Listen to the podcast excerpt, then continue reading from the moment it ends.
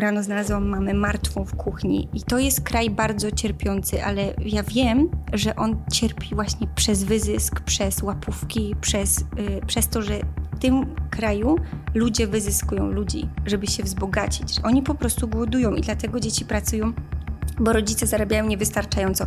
Boże, naprawdę widoku pracującego dziecka, które nie ma marzeń, które mówi, jestem za biedny, żeby marzyć, to jest, Jezu, jeszcze nigdy sobie nie pozwoliłam na taki płacz.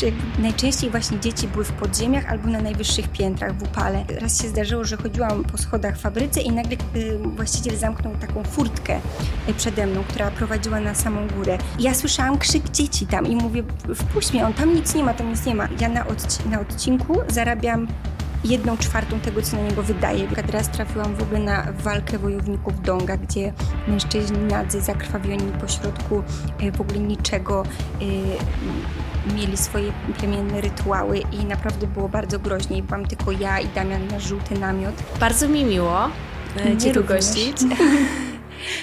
Mm, pomyślałam, że pierwsze pytanie, które chciałabym Ci zadać, to jest jak się dzisiaj czujesz?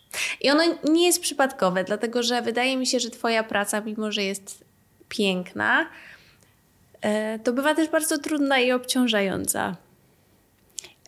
Nikt jeszcze nie zadał mi tego pytania, więc trochę już mnie wzruszyłaś na początek, bo powiem ci, że no właśnie, e, ja zawsze mm, wiesz, do samego końca przed emisją programu zawsze są jakieś zmiany wprowadzane, coś jest przemontowywane. Wczoraj ym, został skrócony mój materiał o bardzo ważny, moim zdaniem, wątek i to wszystko jakby kosztuje bardzo dużo emocji i też ja zawsze rano przed pójściem y, do studia oglądam jeszcze raz y, ten y, reportaż, który będzie. Akurat dzisiaj była opowieść o dzieciach z najniższej kasty, z kasty niedotykalnych w Nepalu, które pracują w fabrykach cegieł i już na dzień dobry, y, jeszcze raz oglądanie tego i przypomnienie sobie dokładnie y, tych dzieci, tych niesamowicie ciężko pracujących, wyzyskiwanych, pracujących niewolniczo dzieci, strasznie się E, roz, e, rozpłakałam.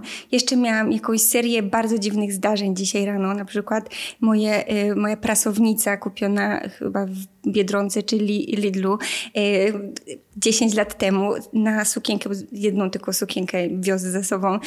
Do Warszawy, wiadomo, nie, nie robię tutaj rewi mody, to po prostu jakaś rdza wypluła mi się na tą sukienkę. Już musiałam wychodzić, więc ją prałam. Potem w, zeszłam na dół zjeść sobie jajko Y, przed wyjściem, żeby po prostu nie mieć na pusty żołądek, nie iść do studia i jakiś pan y, około 60-letni podszedł do mnie i zapytał, czy wejdę do niego pokoju na seks i czy jestem z Ukrainy. I w ogóle jakby to połączenie dla mnie, że jakby dlaczego osobie, która jest na przykład z innego kraju niż on jest, proponuje coś takiego jak wejście do pokoju na seks. I zwłaszcza to był pan naprawdę już, który miał sporo lat, na pewno przypuszczam, że miał rodzinę. I w ogóle się poczułam tak, tak beznadziejnie i szłam do studia tak rozdygotana. I to nie chodzi o sukienkę, o nic, tylko właśnie wszystko się zaczęło od obejrzenia tego materiału.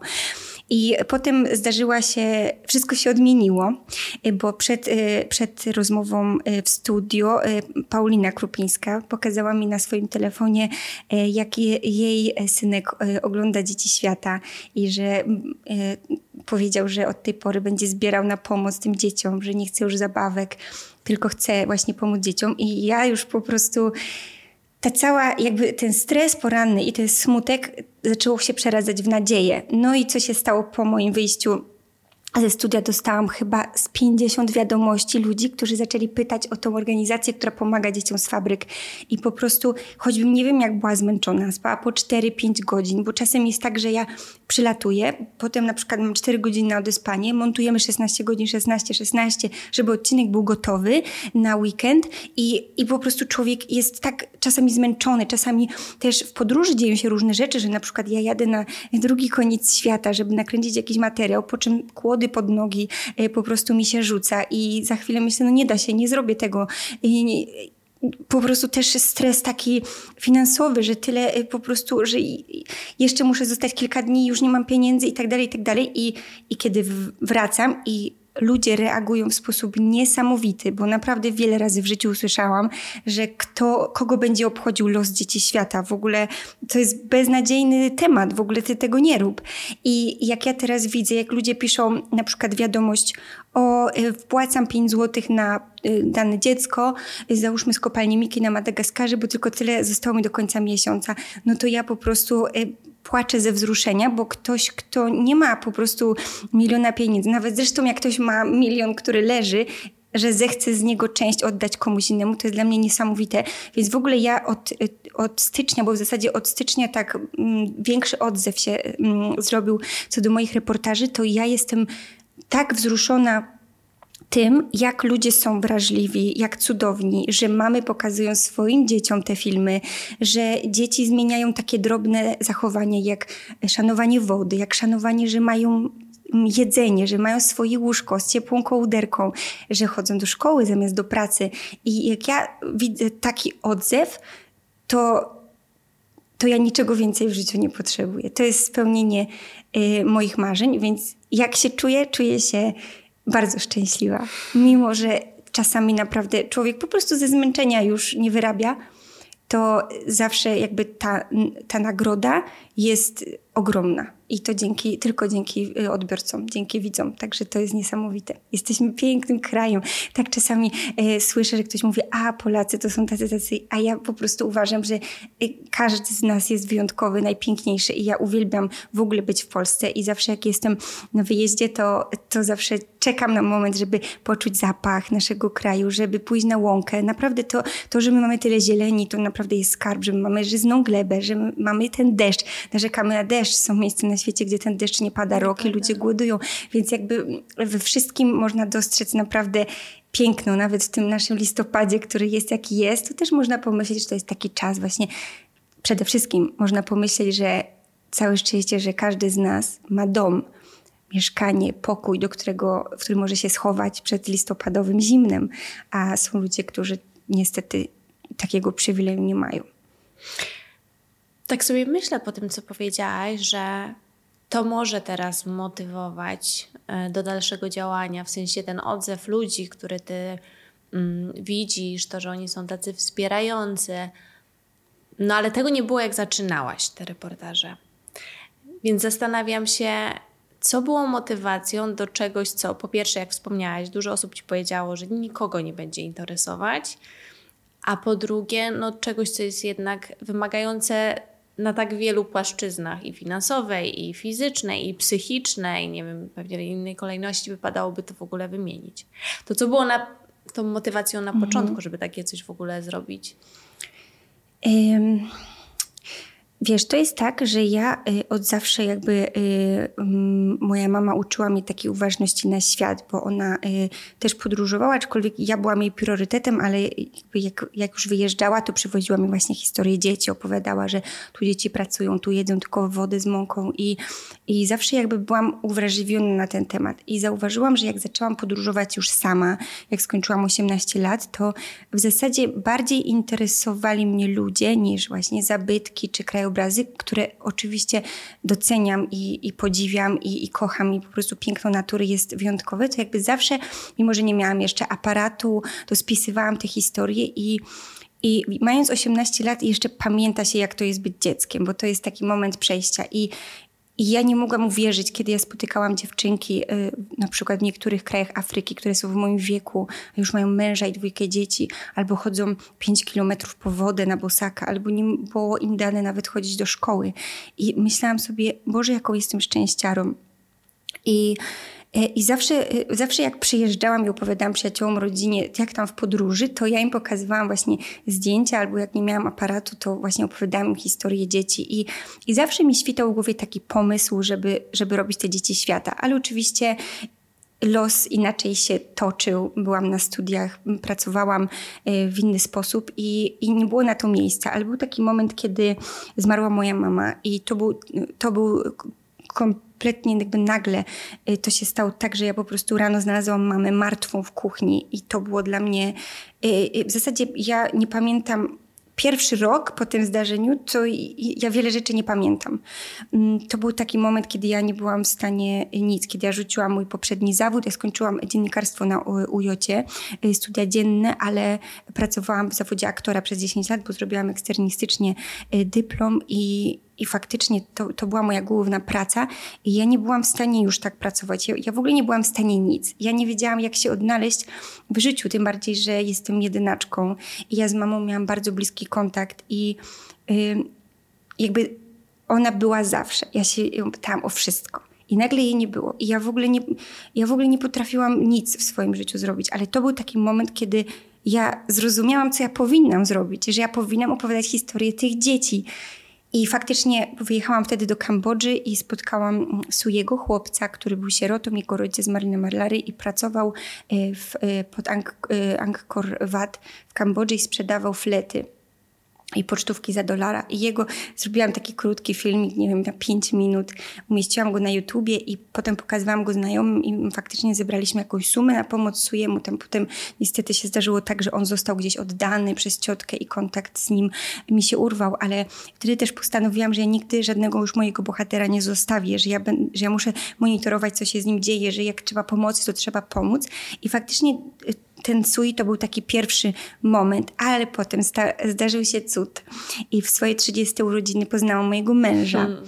I, e, I, ja mu opowiedziałam, w ogóle pierwsza nasza rozmowa to była, on się zapytał, co byś chciała w życiu robić. Ja mówię, wiesz, chciałabym mieć taki cykl, znaczy mieć, robić takie filmy, Dzieci Świata i opowiadać jeden dzień z życia dziecka w różnych części świata. Myślałam o plemiennych społecznościach, także o pracy dzieci, ale nie tylko właśnie, że te dzieci w wieku 7-10 lat mają tak odmienne życiorysy od naszych, że są w tym takim momencie, kiedy już przestają być małym dzieckiem, a, a nie są jeszcze nastolatkami.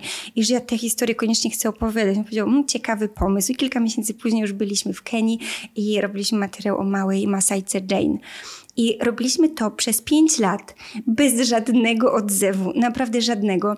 Jeden film chyba właśnie o Jane, y, bo ja to wrzucałam na, na YouTube. YouTube. Najpierw w ogóle nigdzie nie wrzucałam, bo cały czas myślałam, że to jest jakieś y, w ogóle beznadziejne, że to jest niedoskonałe, że tutaj złe ujęcie. Tutaj w ogóle jestem bardzo krytyczna wobec siebie. Jakby moje, moja pewność siebie jest na poziomie minus milion i staram się pracować nad tym, ale faktycznie po prostu wszystko uważam, że jest niewłaściwie zrobione. I przyszła pandemia, i to był taki czas, gdzie wszyscy się dzielili w jakiś sposób swoją twórczością. Moi znajomi aktorzy e, śpiewali piosenki, jakieś wiersze czytali na Facebooku. I ja wtedy stwierdziłam, hmm, może to jest właśnie czas, żeby wstawić to e, na, tą, na, na tego YouTube'a. I stała się rzecz cudowna Mianowicie te filmy znalazły nauczycielki ze szkół podstawowych i one hmm. dzieciom wysyłały te filmy, żeby zamiast lekcji, żeby się, żeby się faktycznie e, uczyły z tych filmów. I, I tu miałam taki cudowny feedback i to był taki moment, kiedy stwierdziłam, hmm, więc jednak komuś się to spodoba. No i potem już zaczęliśmy taki system robić z moim mężem, że on, on jest aktorem w ogóle po AST w Krakowie, jest też muzykiem, gitarzystą, ale y, on stwierdził, dobra, musimy zarobić pieniądze na te dzieci świata, na te wyjazdy, poszedł na budowę zakasał rękawy. W ogóle okazał się świetnym budowlańcem, że po prostu ma tyle ofert, że no, jest bardzo staranny, bardzo mm, precyzyjny i też nie boi się ciężkiej pracy i często przychodzi z zapaleniem spojówek od pyłu. W ogóle jest naprawdę tytanem pracy i za, zaczęliśmy zarabiać. Ja jakieś, e, pisałam jakieś artykuły ko, jako copywriter o rowerach elektrycznych, o wszystkim po prostu zarabianie, zarabianie, zero wydawania, naprawdę po prostu minimalizm jedzeniowy, żadnych restauracji, cały czas się nie palimy papierosów, alkoholu, nie pijemy, więc to już jest, jakby nie wydajemy na to.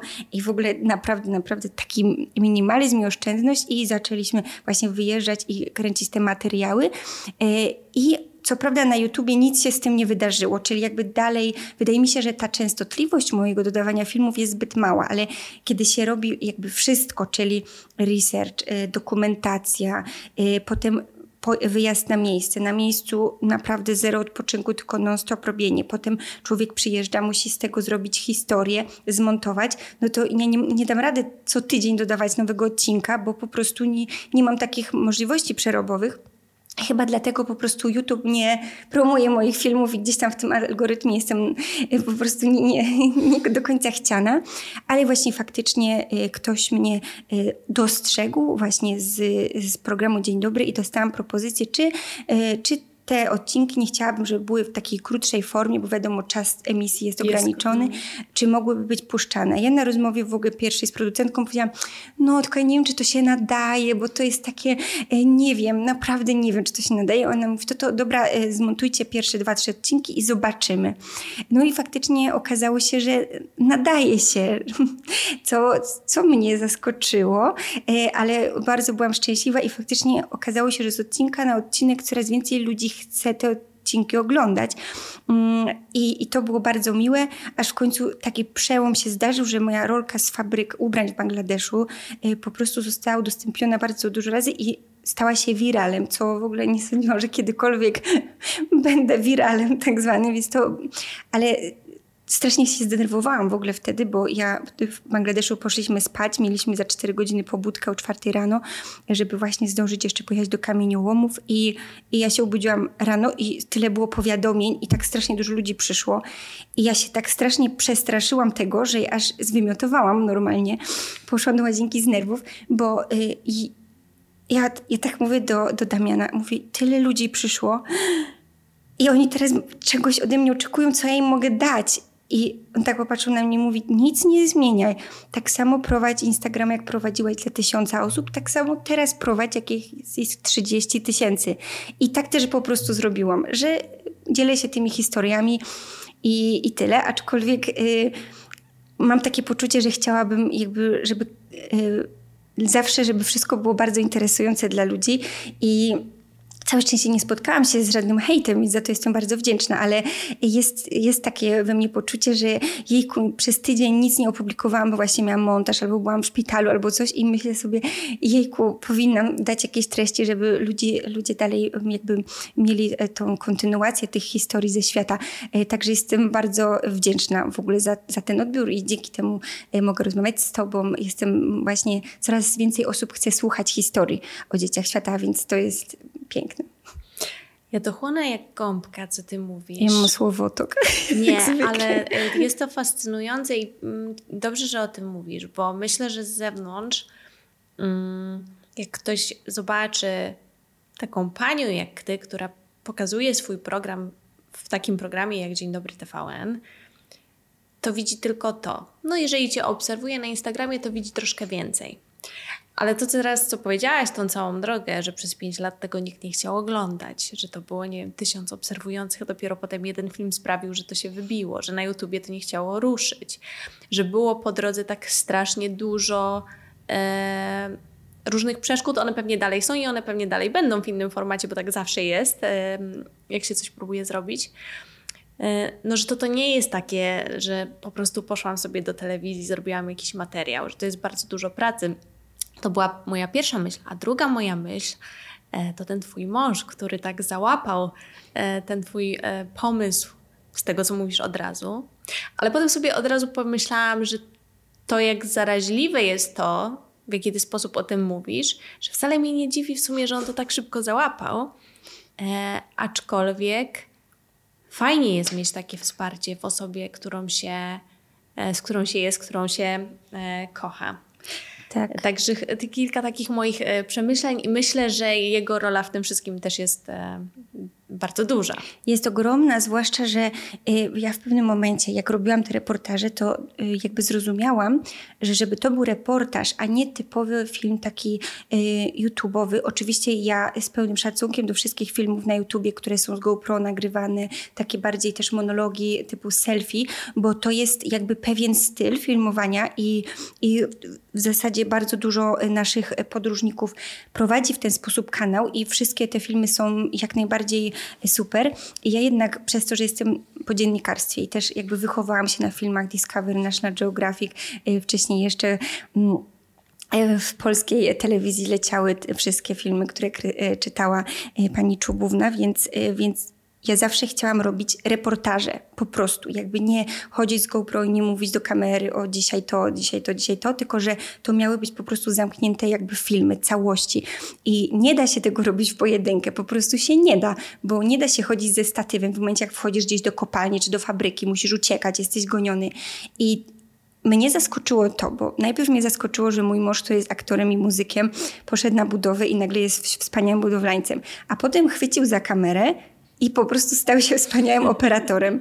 I ja nie wiem, ile jeszcze talentów y, ma mój mąż. Y, jesteśmy po ślubie trzy lata, więc jeszcze na pewno nieraz mnie zaskoczy, ale też muszę powiedzieć o takim ważnym wsparciu, które uważam, że każdy człowiek w związku powinien mieć, każda kobieta i każdy mężczyzna, czyli takie wsparcie w, y, w trudnych chwilach, których każdy z nas ma mnóstwo, w takich, takich chwilach, gdzie wszystko nam leci z rąk, gdzie po prostu płaczemy, gdzie są takie momenty nawet histerii, kiedy nie wiemy, co zrobić, i jakby to wsparcie drugiej osoby jest wtedy najważniejsze. I naprawdę ja z całego serca życzę wszystkim e, po prostu, e, żeby miała w swoim życiu osobę, która jest nie tylko w tych dobrych chwilach, ale właśnie zwłaszcza w tych, w tych gorszych, ciężkich. I ja tak sobie myślę teraz, e, właśnie jak z Tobą rozmawiam, że ja w sumie nie do końca rozumiem ja rozumiem mojego męża, bo on po prostu nie dość, że cały czas pracuje, to jeszcze w podróży ja naprawdę ja jestem, nie jestem łatwa, bo ja robię plan i ja mówię, musi być to, musimy pojechać tu, y, tu zrobić wywiad i, i wtedy mamy takie relacje trochę zawodową. I mówię do niego, nie mamy tego ujęcia, masz detal oka? Ja nie mam detalu oka, szybko rób detal oka. Słuchaj, nie, to nie może tak być, to musi być tak zgrane, wiesz, idź za nimi, idź za nimi. I po prostu ja jestem czasami taka okropna, bo ja przez to, że jakby montuję z montażystą, to ja wiem już czego potrzeba, żeby to mogło dobrze się um, oglądać, żeby widzowie byli też zadowoleni z samego obrazu. Więc, więc my musimy musieliśmy trochę nauczyć się tej relacji zawodowej w podróży i tej relacji w zasadzie w domu też cały czas z nim konsultuję, jak powinien wyglądać ten scenariusz, że tutaj nie ma przełomowego punktu, którą wypowiedź bohatera wybrać i tak dalej. I on cały czas tym jest i cały czas mi pomaga. Aczkolwiek muszę przyznać, że to nie jest do końca zdrowe i wydaje mi się, że teraz jest taki czas, ale na pewno w jakiejś przyszłości będziemy musieli znaleźć jakiś system, że na przykład jeden dzień w tygodniu nie rozmawiamy o dzieciach świata i, po prostu takie, chociaż nie wiem, czy to się uda, ale żeby jakiś balans zachować. Tak samo też e, ostatnio sobie pomyśleliśmy, bo byliśmy w Indonezji i e, ktoś zapytał nas to, to czy plażowaliście, nie? A my tak po sobie i e, policzyliśmy, że byliśmy, mieliśmy jeden dzień w cudzysłowie wolny, ale w ten dzień wolny robiliśmy E, drony, żeby potem jakby do, do, jed, do, jednego z odcinków, tak, żeby mieć ujęcia. I byliśmy na plaży dwie godziny. I tak po prostu ludzie, co? Byliście w Indonezji i byliście na plaży dwie godziny? I my, no tak. I dla nas jakby przestało w ogóle to być, może, dla nas to jest oczywiste, że my w podróży nie mamy chwil dla siebie, że nie ma ich. I rozmawiałam właśnie z, z moją koleżanką, która jest psychologiem, ona powiedziała, że nie może tak być, że balans pomiędzy żyć, odpoczynkiem a pracą musi istnieć, ale w momencie, kiedy praca jest twoją pasją i cały czas gdzieś tam w głowie się układa, na przykład ja teraz od tygodnia nie śpię, bo myślę nad kolejnością odcinków i myślę sobie tak, jak teraz leciał ten, no to nie, nie, to, to nie pasuje do tego. I chyba już setną kolejność odcinków układam, ja tylko z taką wielką tablicą korkową biegam za Damianem i mówię mu tak, a jak przestawimy to tu, a on hmm, i po prostu tak To jest czasami tak komiczne, ale naprawdę dajemy z siebie 100%. Wiem, że kiedyś będzie trzeba trochę ten balans złapać, ale na ten moment jesteśmy 1000% właśnie w temacie dzieci świata i oby to mogło trwać jak najdłużej. To jest temat, który ja bardzo dobrze znam i rozumiem. Ja z mężem swoim prowadziłam firmę e, przez 5 lat. Mówię prowadziłam, dlatego że e, po urodzeniu naszej córki stwierdziłam, że właśnie to jest to, o czym mówisz, że mhm. już tego jest wszystkiego za dużo razem mhm. i że ja muszę mieć jednak coś swojego, żeby trochę tego balansu zachować, ale powiem Ci szczerze, że niewiele to zmieniło w naszym codziennym życiu. I my dalej ciągle razem pracujemy i dalej ciągle o tym rozmawiamy. I chyba tak jest, jak się ma pasję i jeżeli ona jeszcze jest jakkolwiek łączona, w sensie mhm. dotyczy dwojga tych e, osób w związku, to chyba tak nie do końca to się da y, odseparować, tak. więc nie chcę tutaj y, cię straszyć i być pesymistką. Wiem, ale, ale tak chyba trochę jest. Ale wiesz co, też myślę teraz y, o tym, że to jest piękne, mm, jakby być w związku z kimś, nieważne czy to jest mąż, czy partner, czy jakkolwiek nazwiemy miłość, bo jest, prawda, nie do, nie do nazwania, to to jest piękne, że jakby my się możemy tym dzielić, bo wiem, że są związki, gdzie jest Czyli cisza. Hmm. No właśnie, gdzie jest cisza, gdzie tej rozmowy nie ma i chyba naprawdę lepsza jest kłótnia, emocje i, niż po prostu cisza, bo chyba ciszy bym nie zniosła. Takiej ciszy smutnej, nie? Smutnej ciszy. Wspomniałaś, e, no teraz przechodząc trochę e, do Twojej pracy, mm, no bo jest to jakby nie było Twoja praca też, mm, nawet jeżeli to jest pasja również. E, bo wspomniałaś o tym filmie, mm, który poszedł wiralowo na mhm. Instagramie w, z Bangladeszu. Ja tam miałam przyjemność, przyjemność to nie jest może odpowiednie, odpowiednie słowo, ale gdy latałam, byłam. Mhm. E, I e, poza Nigerią to chyba było jedyne miejsce na świecie, które na mnie zrobiło tak ogromne wrażenie. I już nigdy potem żadne mhm. miejsce, do którego pojechałam, nie było tak. Nie wiem, czy smutne to jest odpowiednie no jakby szokujące. Na pewno dla nas, dla Europejczyków, jak jedziemy tam mm, w takie miejsce pierwszy raz, to jest to szokujące. I teraz trochę jest tak, że jak jedziesz do takiego miejsca, szczególnie, czy, mm, szczególnie jako turysta, albo tak jak ja, no ja pracowałam, byłam tam na chwilę, to masz takie trochę poczucie, że niewiele możesz zrobić, no bo jak jesteś mhm. przez 24 godziny, no to niewiele możesz zrobić. Ale ty swoimi reportażami pokazujesz, że jednak można. Jakbyś mogła trochę opowiedzieć o tym, jak wygląda tam praca tych dzieci, mhm. no bo to mhm. są dzieci, i co można zrobić, żeby do tego nie przykładać ręki, albo żeby w jakikolwiek sposób pomóc. No właśnie, y, jak mówisz o Bangladeszu, y, kilka razy miałam przyjemność rozmawiać właśnie z osobami, które były w Bangladeszu i bardzo ciężko jest opisać ten kraj, prawda? Bo nawet jak ktoś trafia do Indii pierwszy raz, ja akurat w Indiach byłam mm, też w Stanach najbiedniejszych, w Dżarkandzie, gdzie, gdzie naprawdę to wygląda nieco inaczej niż y, te Stany, w których jakaś turystyka istnieje, ale faktycznie Bangladesz jest... z jednej strony jest tak, że ludzie, e, kobiety na przykład witają e, się i mówią dziękuję, że odwiedziłaś nasz kraj, bo nikt tu nie chce przyjeżdżać, także cieszę się, że wspierasz, e, wspierasz naszą gospodarkę, że tu jesteś, ale faktycznie to ten cierpienie i ten taki, nie wiem, taki pył miasta i to, to takie nieszczęście i te autobusy, nie wiem czy zwróciłaś mm. uwagę na samochody, autobusy, to są, to są pojazdy, które były prawdopodobnie w Europie 30 lat temu, teraz są odklepane i po prostu jeżdżą autobusy bez drzwi, po prostu całe pogniecione, że ja naprawdę nie mam pojęcia jak, jak, jak to jeździ. I y, to jest kraj bardzo cierpiący, ale ja wiem, że on cierpi właśnie przez... Y, przez wyzysk, przez łapówki, przez, y, przez to, że tym kraju ludzie wyzyskują ludzi, żeby się wzbogacić, żeby mieć więcej dla siebie.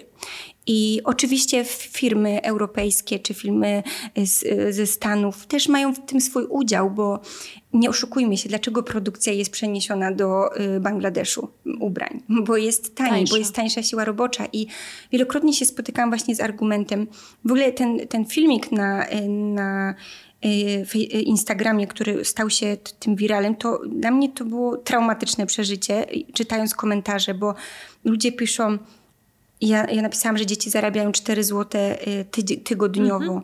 i ludzie napisali, pisali, przecież to jest dużo, przecież oni mają tanio. Oni nie mają tanio. Byłam na takich ich lokalnych miejscach, jak, jak, jak Klepasz, nie wiem, jaki w Warszawie jest, taki plac, że są mhm. warzywa, wszystko to jest odrobi, to jest taka cena, jak w Polsce była załóżmy 6 lat temu. To, nie, to nie, tam nie ma za darmo jedzenia, tam nie, nie ma worków z ryżu za darmo, gdzie ludzie mogą jeść. Oni po prostu głodują i dlatego dzieci pracują bo rodzice zarabiają niewystarczająco. Dlaczego rodzice zarabiają niewystarczająco? Bo y, pracodawcy dają im za mało pieniędzy. I ja y, też rozmawiałam z dziewczyną, która pracowała przy Y, przy tych, y, przy rozmow, była podczas rozmów, czyli kiedy klient właśnie z właścicielem fabryki w Bangladeszu ustalają cenę. To jest targowanie, targowanie do jak najniższej stawki. A przecież nie właściciel fabryki zrezygnuje ze swojego zarobku, tylko wszystko za, za te zniżki, za to wszystko płacą ludzie. Jeżeli my kupujemy za 5 zł koszulkę, która ma materiał, którą ktoś musiał uszyć, no to pomyślmy sobie, y, ile z tego dostaje dana osoba, która ją szyła. I nieważne, czy to jest dziecko, czy to jest kobieta, czy to jest mężczyzna, czy to jest po prostu ktokolwiek, to, to nie jest godne, to jest urągające ludzko, y, po prostu ludzkiej godności, bo, y, bo naprawdę cały, cały y, miesiąc harowanie w strasznych warunkach, y, do, bez dostępu do wody, y, tylko wiatrak jak jest 50 stopni. Ja po prostu tam płynęłam. Aparat nam się co chwilę wyłączał z wilgoci, z upału i, i za to tylko możesz sobie kupić tam miskę ryżu czy trochę warzyw. Nie możesz odłożyć na lekarza, na ubranie, na nic. Przecież tak nie powinno wyglądać. I, i są różne fabryki w Bangladeszu, prawda? Bo nie wsadzajmy wszystkiego do jednego worka. Są fabryki tak zwane platinum. Ja w takiej jednej, osiem ich jest, a ogólnie jest kilka tysięcy fabryk w Bangladeszu i y, byłam w tej super solidnej fabryce i rozmawiałam z dyrektorem, ja zostałam jakby mm, wiedzieli, że jestem dziennikarką, zostałam zaproszona w prezentację, mi piękną wyświetlili, jakie firmy z Europy y, szyją. szyją. Oczywiście to są firmy, które są dostępne u nas w, po prostu w każdej galerii i, y, i oprowadzali mnie. I, aha, w tej prezentacji było y, powiedziane tak, mamy wspaniały sklep, w którym wszystkie 5 tysięcy chyba kobiet, które pracują w tej fabryce, może sobie kupić w niskich cenach podpaski, środki do kąpieli, pieluchy i tak i tak dalej. A tutaj mamy przedszkole, w którym y, dzieci pracujących mam mogą tam przebywać. I ja taka uniesiona po tej prezentacji, taka szczęśliwa, y, poszłam mm, tam do tego ich sklepu i były tam trzy produkty. W przedszkolu była trójka dzieci. I ja mam uwierzyć, że tyle tysięcy kobiet ma trójkę dzieci, jak każda z nich ma e, czworo czy pięcioro dzieci. Więc jakby to, to wszystko wydawało mi się, szczerze mówiąc, malowaniem trawy na zielono. Czyli proszę zobacz Platynium Fabrykę, prezentację ci pokażemy, ale jak już zaczniesz chodzić i szwendać się, to zobaczysz, że to jest tak naprawdę nieprawda, po prostu, że to jest kłamstwo. I ja próbowałam porozmawiać z kobietami, jakie mają wynagro wynagrodzenie, po prostu podchodzić do kobiet, które szyją i pytać, to nie zostało mi pozwolone. Y, to właściciel fabryki wybrał jakieś dwie kobiety, zaprowadził do swojego biura, coś tam im powiedział i potem one mi powiedziały jakąś stawkę, którą zarabiają i tak naprawdę ja do tych pozostałych fabryk y, wchodziłam po, bez zapowiedzi, bo kiedy się umówiłam, że będę danego dnia, y, to po prostu przychodziłam i zamknięta była fabryka. I na przykład pani, która sprzedawała warzywa obok, mówiła, że przed chwilą 50 dzieci stąd, stąd uciekało, bo dostali cynk, że ja się pojawiam, więc potem już wymyśliłam, że muszę wchodzić z zaskoczenia i po prostu wchodziliśmy po ulicy i wchodziliśmy do bram, do miejsc, do, do podziemi. Najczęściej właśnie dzieci były w podziemiach albo na najwyższych piętrach w upale. I e, raz, raz się zdarzyło, że chodziłam po schodach w fabryce i nagle e, właściciel zamknął taką furtkę e, przede mną, która prowadziła na samą górę. I ja słyszałam krzyk dzieci tam i mówię, wpuść mnie, on tam nic nie ma, tam nic nie ma. A ja też taka wściekła powiedziałam, nie kłam, bo przecież słyszę tam dzieci. I byłam po prostu taka stanowcza, że on mi otworzył tą furtkę nie pozwolił mi nagrywać wtedy, ale ja miałam w guziku ukrytą kamerę kupioną w, mhm. w sklepie dla e, szpiegowa, szpiegowania. Każdy jakby może kupić. Więc ja mhm. kupiłam tą kamerę w guziku i faktycznie wyszłam tam i zobaczyłam, dzieci akurat robiły rączki do torebek nawet nie wiem e, jakiej firmy, bo robiły same rączki, czyli w ogóle jest taki problem z transparentnością. Na przykład w jednej fabryce dzieci robiły same koszulki białe, bez metek, bez żadnych e, nadruków i dopiero te koszulki jadą do innej fabryki, gdzie już do legalnej, gdzie już po prostu kobiety na przykład robią, czy jakaś tam taśma produkcyjna robi napisy. Więc jakby y, cały problem jest tych y, jakby mniejszych fabryk, y, gdzie, które mają którym zleca większa fabryka zrobienie jakichś tam właśnie drobnych rzeczy. I to jest nie do skontrolowania. Czy to jest do skontrolowania, ale nikt tego nie robi. Jest, e, jest jakaś straszliwie mała liczba w ogóle tych osób monitorujących. E, jaka jest kara? E, kilka złotych chyba, czy kilkanaście to jest kara dla właściciela fabryki, który zatrudnia dzieci. No to kto się będzie bał takiej kary? Więc w zasadzie ja rozmawiałam z właścicielami i się pytałam, y, co można zrobić. A on, te dzieci się cieszą, że w ogóle mają pracę. No, no tak, cieszą się, że w ogóle mają pracę, że po prostu nie umierają z na głodu. ulicach z głodu, ale Właśnie, jeszcze jedno. Bardzo dużo komentarzy było. Przecież jak zamkną te fabryki, to dzieci umrą z głodu. Ale tu nie chodzi o zamknięcie fabryk, tu chodzi o to, żeby dorośli pracownicy zarabiali godnie na tyle, żeby mogli nakarmić swoje dzieci, wtedy te dzieci nie będą musiały przecież zarabiać na swoje jedzenie, tylko będą mogły iść do szkoły. I, i to tylko to, o to chodzi, ale to są zmiany systemowe. Trzeba kontrolować, trzeba monitorować, trzeba nakładać kary. I dlaczego rząd Bangladeszu nie nakłada kar na właścicieli fabryki? Bo to jest ręka rękę myje, Myje. to są łapówki, to jest po prostu tak obrzydliwe. Ja sama spotykałam się z politykami i oni, oni w ogóle jakby zaprowadzali mnie do tych fa- fabryk i nic sobie z tego nie robili, bo wiedzieli, że jakby ja sama nic nie mogę zrobić. Tylko, że przypomnijmy sobie y, katastrofę Rana Plaza 2015 rok. Znaleziono wtedy w gruzach ciała dzieci, ciała kobiet i wyszło na jaw, że Marka Polska też miała tam swoje fabryki, sieciówki, y, nawet Benetton, po prostu wielkie znane marki szyły w budynku, który nie nadawał się w ogóle do y, pracy, do przebywania, który tam, tam było zagrożenie życia każdego dnia i w końcu to wszystko runęło. I wtedy zrobiło się w mediach głośno, w jakich warunkach szyją ludzie w Bangladeszu i, i cały świat o tym trąbił i Nastąpiła zmiana, wybudowano te kilka solidnych fabryk, podniesiono te płace i jakby moim zdaniem im więcej my o tym mówimy, im więcej dziennikarzy z różnych krajów krzyczy na ten temat, tym bardziej producenci ubrań, bo już nawet nie liczę na rząd Bangladeszu, już nie liczę na to, że oni się, y, oni się w jakiś sposób zmienią, ale jeżeli wielkie firmy, wielkie sieciówki, które szyją w Bangladeszu pomyślą sobie, okej, okay, zaróbmy mniej, ale bądźmy godną, transparentną firmą i, i kontrolujmy jakby ten, wysyłajmy tam swoich. swoich pracowników, którzy mają to monitorować i sprawdzajmy, kto pracuje, za jaką stawkę. Jakby nie, nie udajmy ślepych, hmm. tylko róbmy coś z tym. I jakby ja na to liczę. Ja liczę na na właśnie biznesmenów, na wykształconych ludzi, właścicieli firm, w których kupujemy każdego dnia, żeby oni wzięli odpowiedzialność za to, że szyjemy w Indiach, szyjemy w Bangladeszu, ok, ale miejmy świadomość, kto szyje. Sprawdzajmy, czy cały łańcuch produkcji jest w tej firmie, czy właśnie dzieci w fabryce obok nie doszywają guzików, bo mają małe rączki. Więc jakby to jest do sprawdzenia. Skoro ja sama, bez znajomości, bez nikogo byłam w stanie to sprawdzić, no to chyba właściciel firmy, którą, którego stać na to, żeby wysłać tam po prostu kogoś, kto monitoruje, też jest w stanie to sprawdzić, więc, więc ja nie akceptuję w ogóle takiej odpowiedzi, że to jest nie do sprawdzenia. To jest do sprawdzenia. Wystarczy się mm, skontaktować z międzynarodowymi organizacjami, które dobrze wiedzą, kto, gdzie i jakie dzieci pracują. To jest masa dzieci i tylko małe zmiany y, mogą jakby przynieść skutek, ale właśnie zapytałaś, przepraszam, że tak odbiegłam, co my możemy zrobić. Y, ja nie mówię o tym, że musimy bojkotować fabryki w Bangladeszu, ale w tym momencie ja na przykład nie mam zaufania, że jeżeli na metce zobaczę Made in Bangladesh, to ja nie mam zaufania, że to było, nawet jeżeli dostanę adres fabryki i wiem, że to jest ta Platinum fabryka, to nie do końca ufam, że cały proces produkcji był, był tam. tam. Więc ja osobiście wolę nie kupować ubrań, które są made in China, made in India, Bangladesz.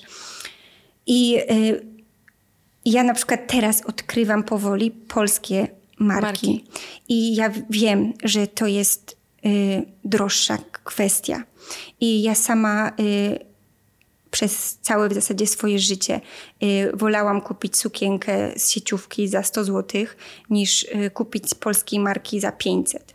Ale ja albo wolę nie mieć tej sukienki w ogóle, i na przykład kupić na Vinted czy w innych miejscach po prostu drugi obieg. Przecież ludzie sprzedają rzeczy czasami nawet bez metki, nieubra- tak. nie, nieużywane i tak dalej.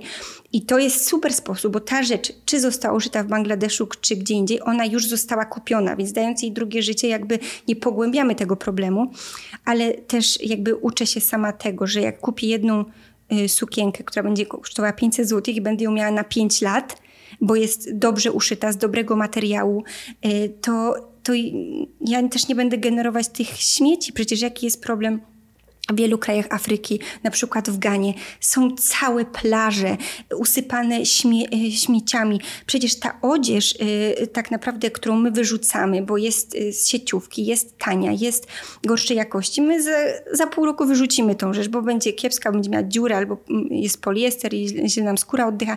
I to wszystko oddajemy, załóżmy gdzieś. To jedzie do krajów, na przykład wielu krajów Afryki i co się dzieje?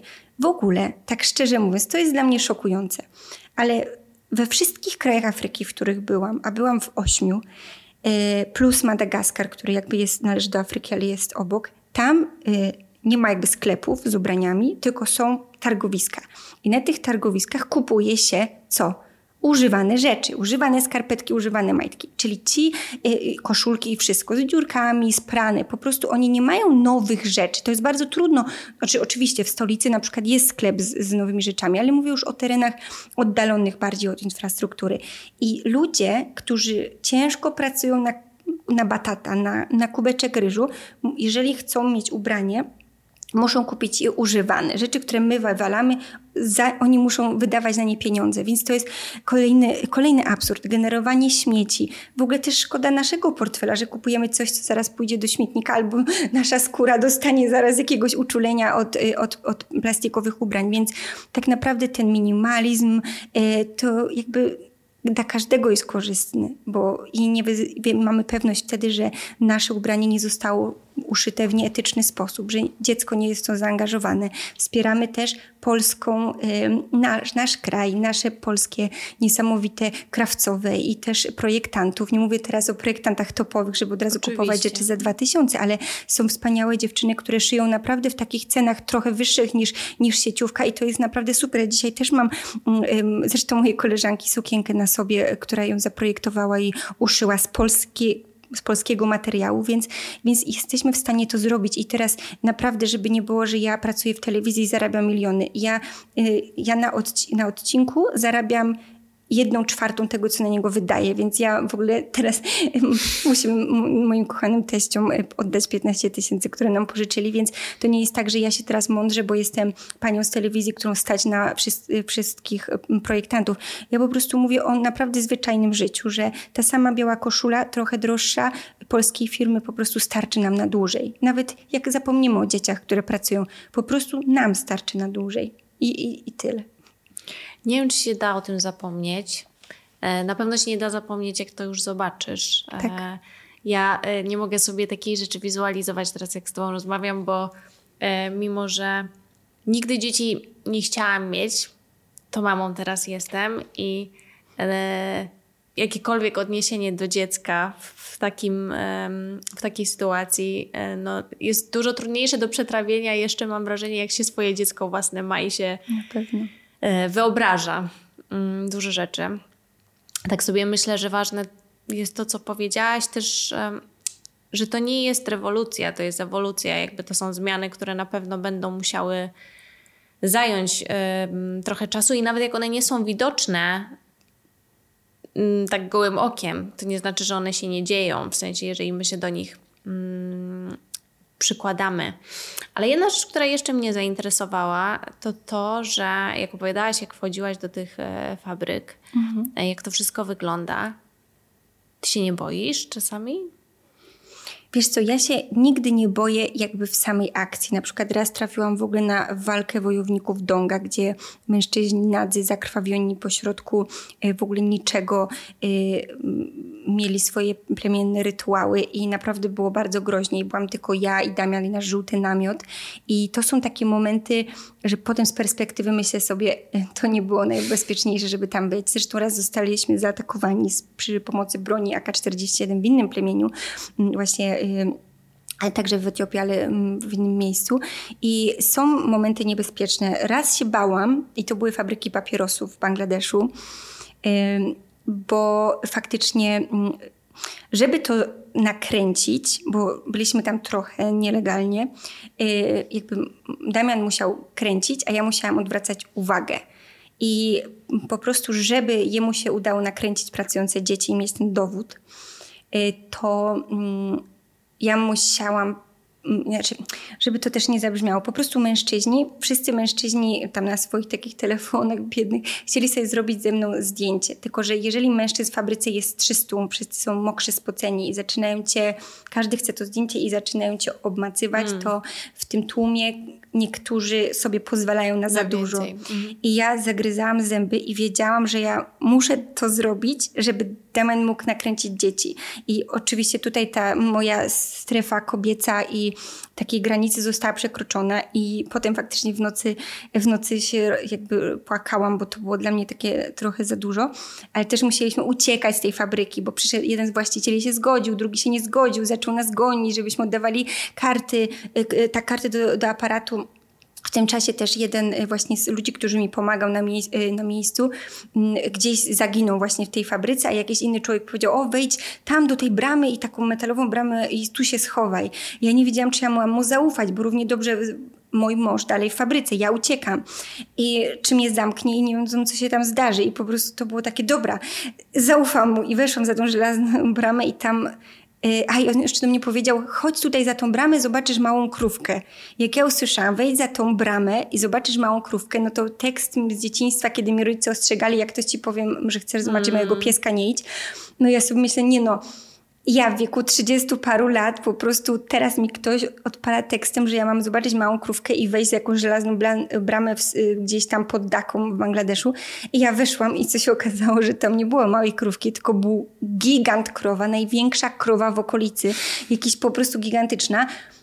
I faktycznie on mnie nie chciał skrzywdzić, ten człowiek, tylko chciał mnie faktycznie uchronić i potem wyłowił też Damiana i my oboje się w tej stodole z tą wielką krową schowaliśmy.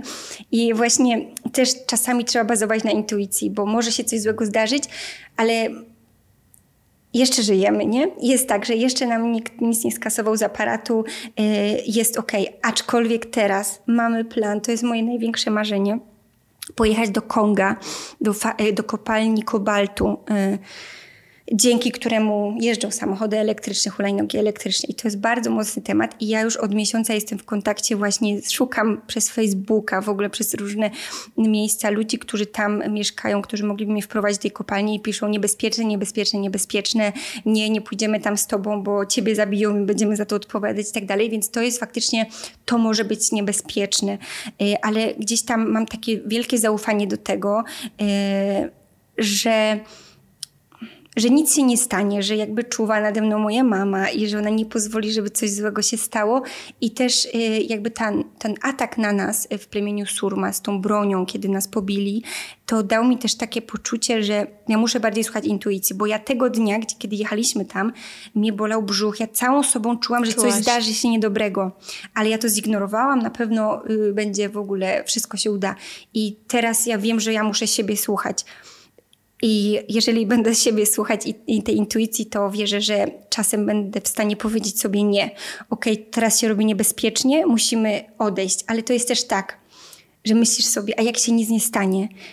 I ja to nagram i to będzie tym dowodem na to. I nikt się już tego nie wyprze, bo jak to jest nagrane, bo słowo pisane dzisiaj, niestety, kiedyś pisał Kapuściński, te, te słowa się chłonęło, ale teraz nikt nikomu nie uwierzy, jeżeli nie ma zdjęcia, jeżeli nie ma filmu, jeżeli nikt mi nie uwierzy, że ja powiem, że dziecko zarabia 4 zł tygodniowo, jeżeli ja nie mam nagranego dziecka, które mówi tak, ja zarabiam 4 zł tygodniowo, bo już się pojawiły właśnie na Instagramie komentarze, że wymyśliła sobie, to dziecko tyle nie zarabia, więc dałam w relacji dokładnie wywiad z dzieckiem. Przecież skąd nie mam wiedzieć, ile zarabiał? Właściciel fabryki mi powie, że zarabia 5 milionów, mm, a dziecko mi powie prawdę, bo dziecko dobrze wie, ile zarabia. Więc dzisiaj na wszystko trzeba mieć dowód. I to jest najtrudniejsze, bo jeżeli ja bym mogła tylko opisywać historię, to ja bym weszła w jeszcze bardziej niebezpieczne miejsca, bo ludzie się boją tylko kamery. kamery. Tak, bo wiedzą, że to jest dowód przeciwko nim, bo słowo pisane dzisiaj można podważyć niestety.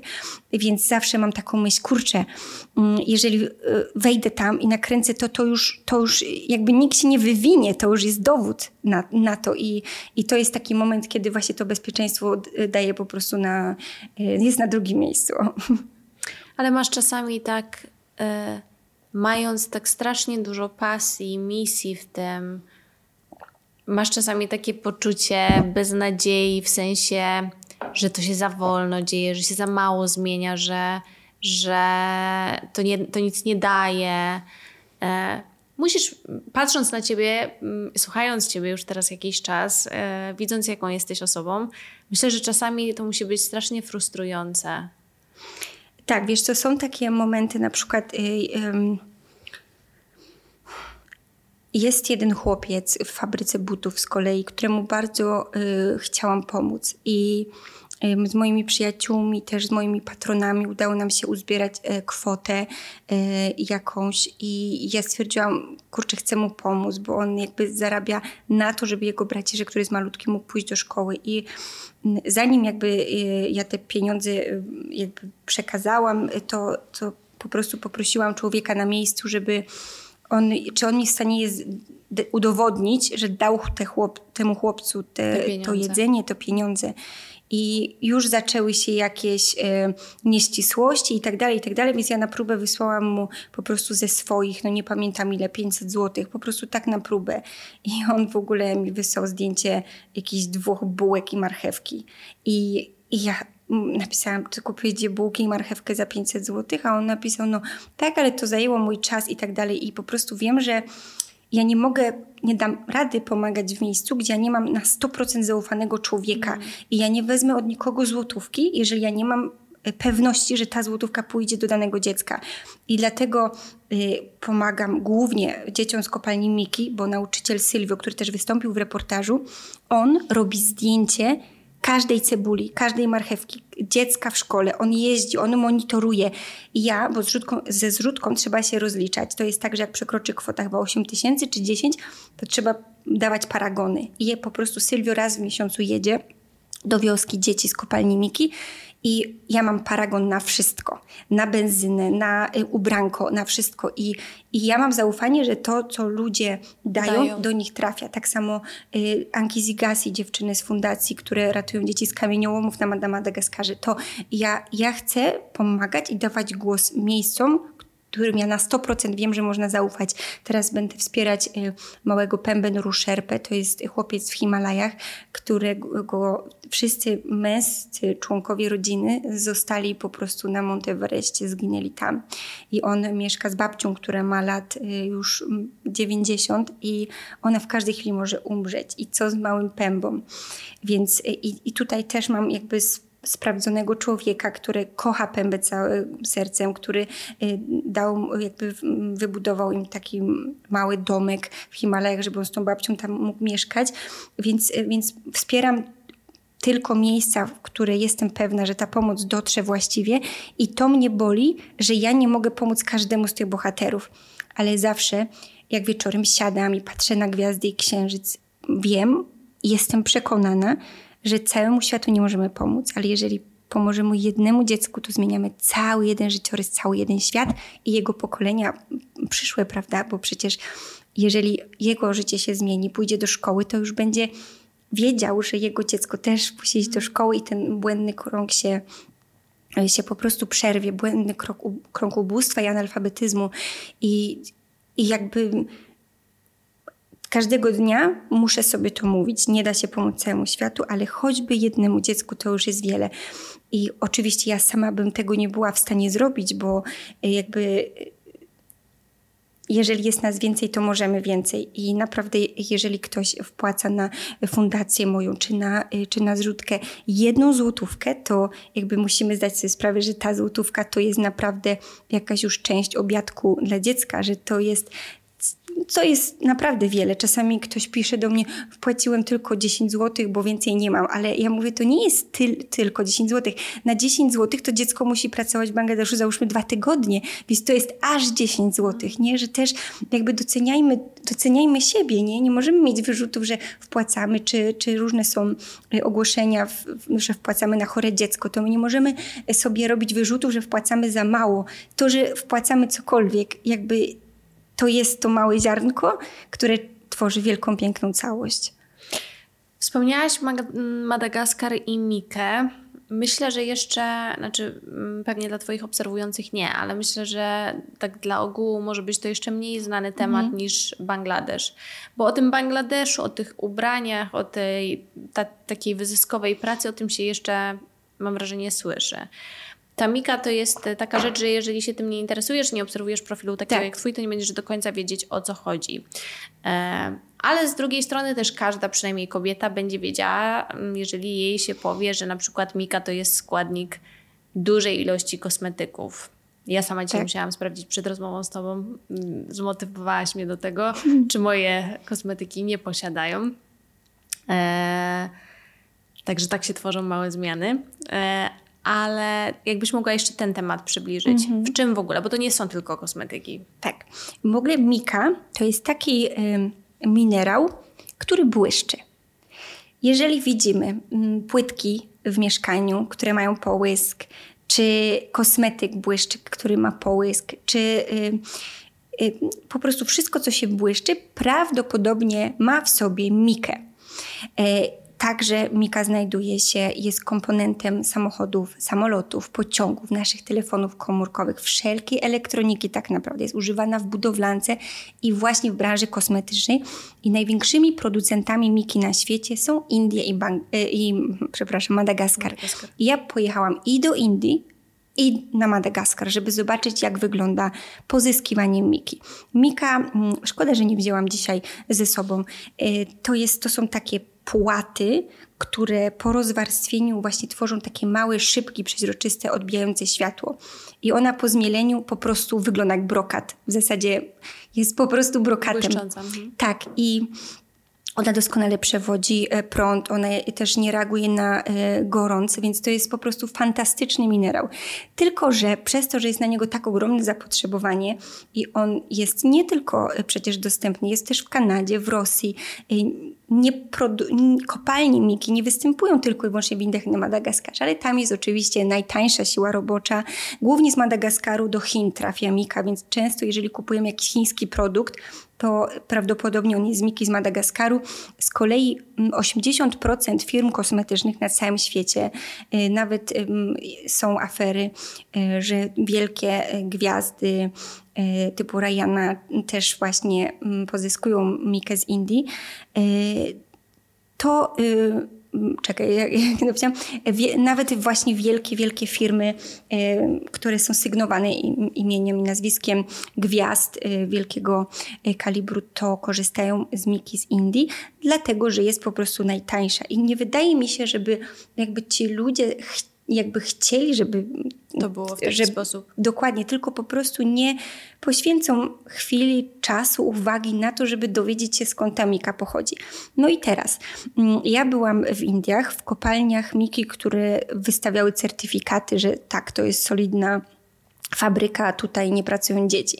Tylko, że ja przebywałam tydzień z dwoma dziewczynkami, no, tam było wiele dzieci, ale dwie dziewczynki były moimi głównymi bohaterkami, y, które właśnie pracowały w kopalni i 30 kilo zbierały dziennie i wieczorem przyjeżdżał tuk-tuk, zabierał od nich te worki i wiózł do tej właśnie fabryki, która wystawia certyfikaty.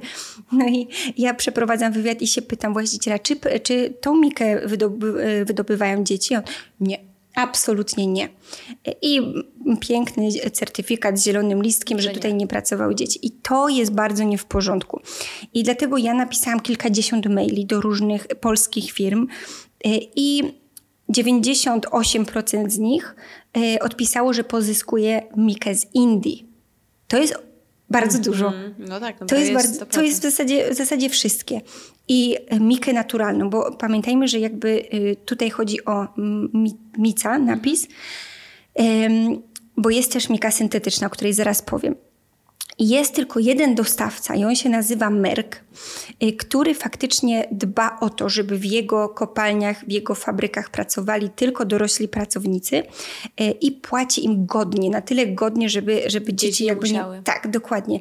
I, I właśnie z tego dostawcy korzystają niektóre polskie firmy. Jest ich niestety bardzo mało, kilka na palcach jednej ręki można wyliczyć. I ale co możemy zrobić, żeby czuć się bezpiecznie? Jest mika, która powstaje w laboratorium. Jest to mika syntetyczna, e, która ma dokładnie takie same właściwości e, i ona się nazywa albo synthetic mica, albo fluoroflogopid. Pod tymi mhm. dwoma nazwami funkcjonuje. I jeżeli kupujemy kosmetyk właśnie z taką miką, e, to mamy pewność, że ta mika nie e, została wydobyta przez dzieci. Więc wydaje mi się to najlepsze rozwiązanie, bo też jest drugie rozwiązanie, czyli pisać maile, patrzeć na certyfikaty. Też jedna firma mi przesłała po prostu screenshota z, z dostawcy Merck i powiedziała, że to jest jej certyfikat. I jakby, bo wiedzą, że Merck jest e, go, godny zaufania, więc to trzeba sprawdzać. Ale nie każdemu chce się, ja to rozumiem, pisać maila do firmy, chyba że mamy na przykład jakiś rozświetlacz czy błyszczy czy Czeszmikę, którą bardzo lubimy i chcemy mieć pewność, że ta firma jakby jest szanuje jakby pracę ludzi i jest godna zaufania, to wtedy jasne napiszmy tego maila, pofatygujmy się. W moim filmie na YouTubie ja powiedziałam firmy, które są y, godne zaufania. Mam nadzieję, że będzie ich coraz więcej, coraz więcej, ale faktycznie kupując ten fluoroflogopid y, mamy pewność, że ta mika powstała w laboratorium, nikt jej nie wydobywał, nikt przy jej powstawaniu nie cierpiał.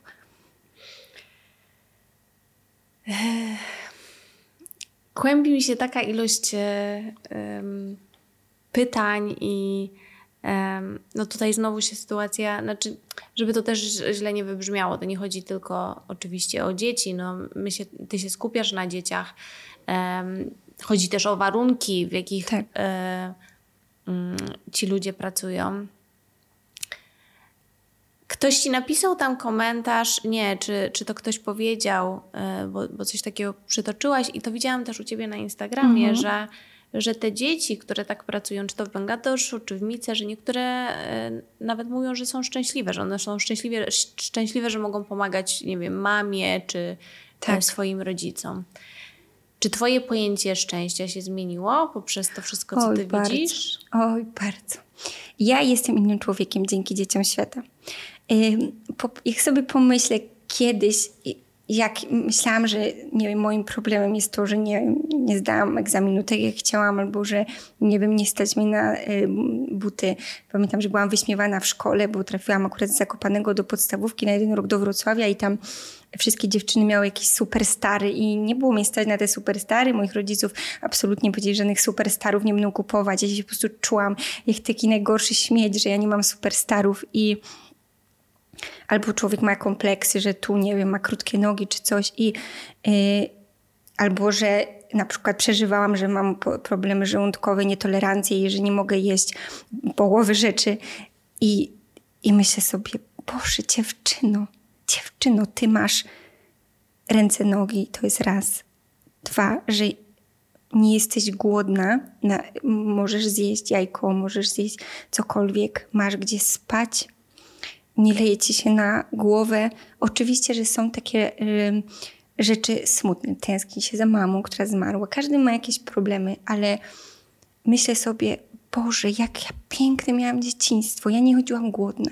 Ja biegałam po łące i, i Boże, naprawdę widok pracującego dziecka, które nie ma marzeń, które mówi, jestem za biedny, żeby marzyć to jest, Jezu, jeszcze nigdy sobie nie pozwoliłam na taki płacz jakby przed, podczas wywiadu, przepraszam, ale to jest chyba najgorsze, usłyszeć od dziecka, ale ja jestem za biedny, żeby marzyć, albo ale o czym ja mam marzyć? I po prostu ja budzę się rano i wiem, że ten chłopiec akurat teraz właśnie pracuje w fabryce. Akurat teraz. I tych dzieci jest, ja poznałam, ja zrobiłam 22 reportaże, 27 chyba łącznie, 22 jakby jest wyemitowanych. I, ale tych dzieci jest przecież kilka milionów, które w tym momencie pracują. 300 milionów dzieci nie chodzi do szkoły, bo pracuje. 170 milionów dzieci oficjalnie jakby zarabia pieniądze zamiast być dziećmi. I jak, jak, chodzę po polskich ulicach i widzę dzieci, które idą do szkoły albo idą z mamą za rękę, myślę sobie, Boże, jakie to szczęście widzieć dziecko, które może być dzieckiem. I ja za to jestem wdzięczna, za to, że miałam dzieciństwo. Miałam oczywiście dużo smutków, moi rodzice się rozwodzili, ja to bardzo przeżywałam, ale ja byłam dzieckiem z problemami, nie z problemami, ale ja byłam dzieckiem, a teraz, a teraz chcę doceniać wszystko, co jest. I nie narzekam, że pada deszcz, bo wiem, że mała Jane modli się o każdą kroplę deszczu, bo jak spadnie deszcz, to może jakieś jedzenie się pojawi. I naprawdę jesteśmy tak bogaci wszyscy. Wszyscy jesteśmy tak bogaci. Wszyscy ci, którzy nie, nie pracujemy niewolniczo, którzy nie mieszkamy w slamsie, gdzie po prostu leje nam się na głowę albo jest 50 stopni.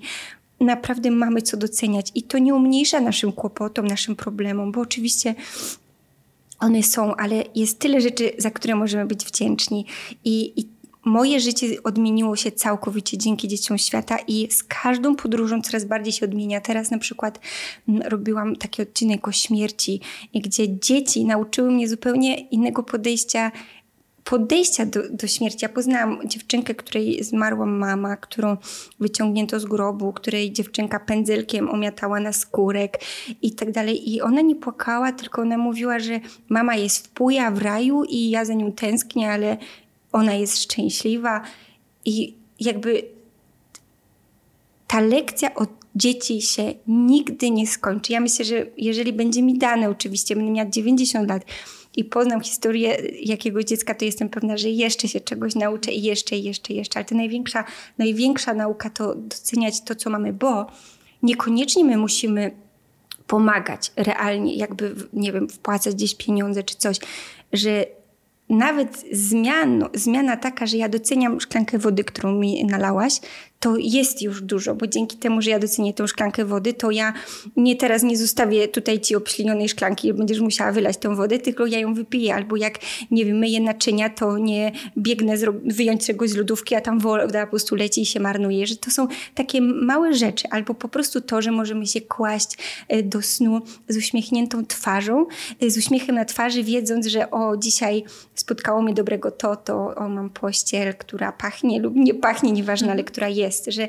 jakby fajnie, fajnie jeżeli właśnie dzięki, dzięki dzieciom świata, dzięki temu cyklowi coś my dla siebie znajdziemy właśnie dobrego, coś za, dzięki czemu możemy być bardziej szczęśliwi każdego dnia. No a gdybyśmy jednak chcieli wpłacić, to gdzie możemy u Ciebie znaleźć takie informacje? Mm, ja oczywiście je też podłączę w razie czego tutaj w opisie filmu, ale gdyby ktoś jednak chciał też przyłożyć taką e, cegiełkę i wpłacić jakieś pieniądze, Wszyscy mi mówią zawsze, że źle to wszystko oznacza mi, że nie da się nic znaleźć. Muszę faktycznie to jakoś lepiej zrobić. Cały czas jest aktywna zrzutka na dzieci z kopalni Miki e, i to jest e, na, na zrzutce po prostu taka, taka zbiórka zrobiona.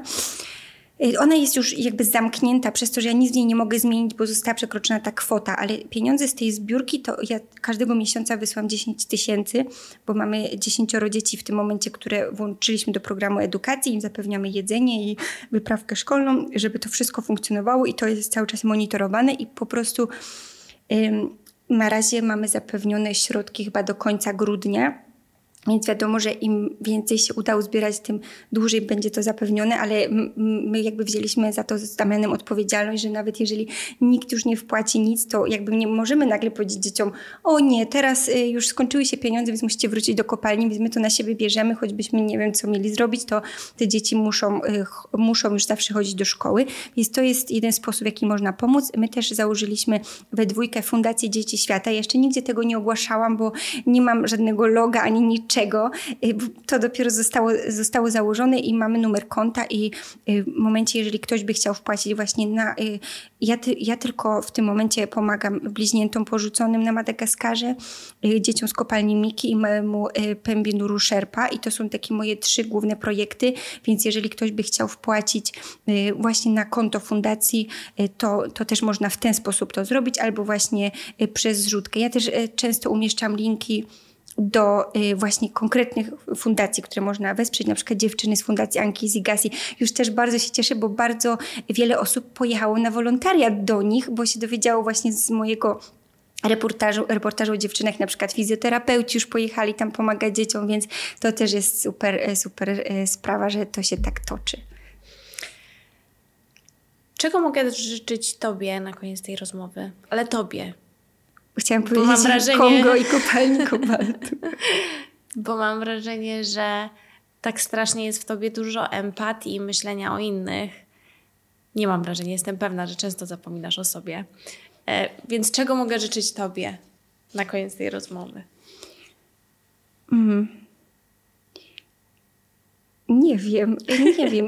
No chciałam, żebyś mi życzyła, żeby się to Kongo udało, ale jeżeli tak całkowicie, po prostu, żeby, żeby nadal y, jakby odbiorcy chcieli słuchać o dzieciach świata, bo w momencie jak przestaną chcieć słuchać, no to y, będę musiała robić coś innego, co jakby im starsza jestem, tym bardziej zdaję sobie sprawę, że już nie mogę robić tak, że po prostu targam tego mojego męża po prostu, żeby żeby obejrzało tysiąc osób na YouTubie, chociaż ja za te tysiąc jestem wdzięczna i zawsze byłam, e, tylko że wiadomo, że to musi mieć e, jak, jakiś to musi mieć odbiorców, żeby, żeby to dalej mogło działać. Także chciałabym bardzo móc się zajmować tylko tym, już nie dorabiać na boku w, w tysiącach miejsc, żeby po prostu dzieci świata y, niosły się dalej, dalej w świat. To jest moje marzenie chyba, bo wszystko inne mam. Mam ukochanego męża, mam gdzie mieszkać, mam co jeść, więc nic więcej nie potrzebuję.